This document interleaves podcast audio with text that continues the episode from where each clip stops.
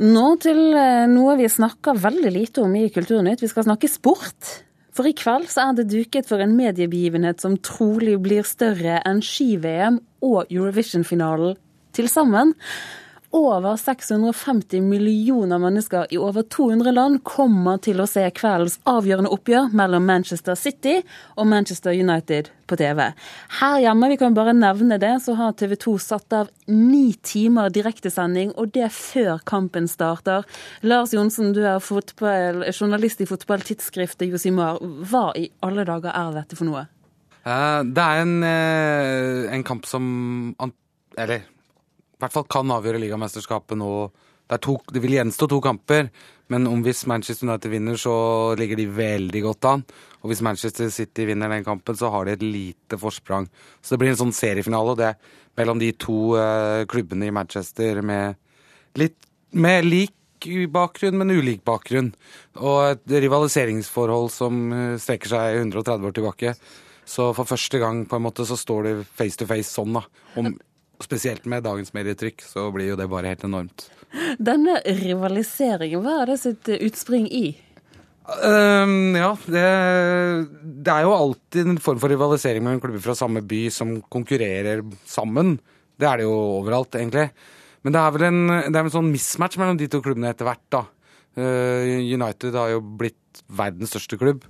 Og City rykka jo ned flere divisjoner. altså Eh, altså Fra 60-tallet framover så har United tatt sånne kvantesprang framover og ett og annet steg tilbake, mens Manchester City har stort sett tatt steg tilbake.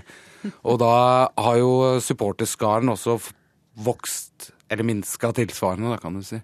Slik at det er United da som egentlig har de fleste supporterne? På verdensbasis, i hvert fall. Uh, I byen der så er kanskje historien litt annerledes. Der er det vel uh, Mytene skader at Manchester City er Manchester-klubben. Men Manchester City, hva er grunnen til at de har klart å bygge seg opp nå de siste årene? Det er jo penger fra Midtøsten. De har jo kjøpt, inn, kjøpt uh, opp av en sånn, invest, en sånn investorgruppe fra Abu Dhabi Group, heter de vel, om jeg ikke tar helt feil. Uh, og sponser stadion og blant annet. De har spytta inn masse, masse penger i den klubben. Det er jo en klubb med et enormt potensial. Den er jo egentlig like stor som Manchester United, ikke sant? Men, men altså, hvordan kan det ha seg at hva var det jeg sa, altså det er forventet 650 millioner TV-seere som skal se dette derbyet. Hvordan kan det ha seg? Ja, no, noen som sier meg at eh, TV 2 og alle deres kolleger, altså som lignende TV-selskaper som har kjøpt rettighetene til Premier League, må bare melke den kua for alt det er verdt. Det er vel egentlig det Koker vel litt ned til det. Men det er jo Idretten lever jo på en måte veldig mye av historien rundt, ikke sant?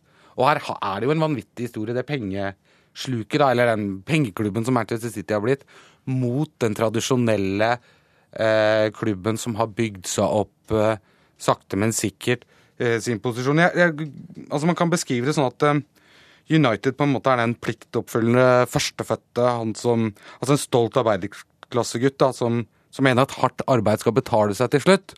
Og det har de jo gjort. Mens Manchester City er liksom den kreative lillebroren, han som alle liker. ikke sant? Han litt morsomme. Eh, han som ikke er så nøye med regler. Men nå har han plutselig tjent som lettjente penger på børsen, eller et eller annet, og nå har han like mye penger. Og så er liksom, Nå er bildet liksom snudd helt på huet, da. Og det er klart det at når de to møtes da head to head om det gjeveste trofeet, eh, i hvert fall eh, det vi i Norge, og, altså på de britiske øyer og det i Skandinavia kanskje, og sånn, en del andre land ser på som den viktigste ligaen, da, ikke sant.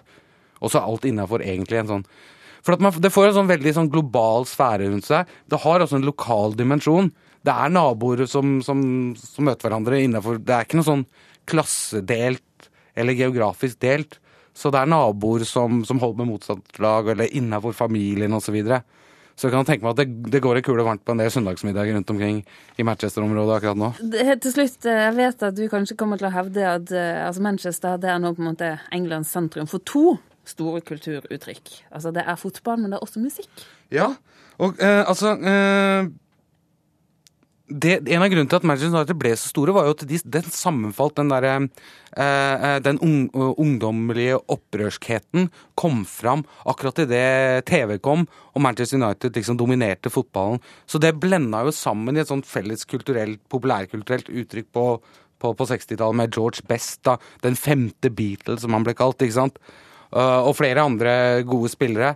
Så, uh, så det, de to har alltid levd sammen, da, side om side, i, spesielt da i Manchester. Og Erik Cantona, Erik Cantona, den franske storspilleren av Manchester United, sa jo det at uh, han følte seg tett knytta til ungdommens opprørskhet og vitalitet i Manchester. For inne blant Manchesters vinduer ligger det en vanvittig kjærlighet til fotball, fest og musikk. Så det er helt klart at uh, hvis, hvis, man skal sette da liksom imperiets hovedstad, London, opp mot liksom uh, det virkelige England, da, eh, Manchester, på disse feltene som, er, som faktisk er viktige, fotball og musikk, så vinner jo Manchester hands down. Takk skal du ha, journalist i tidsskriftet Josimar, Lars Johnsen.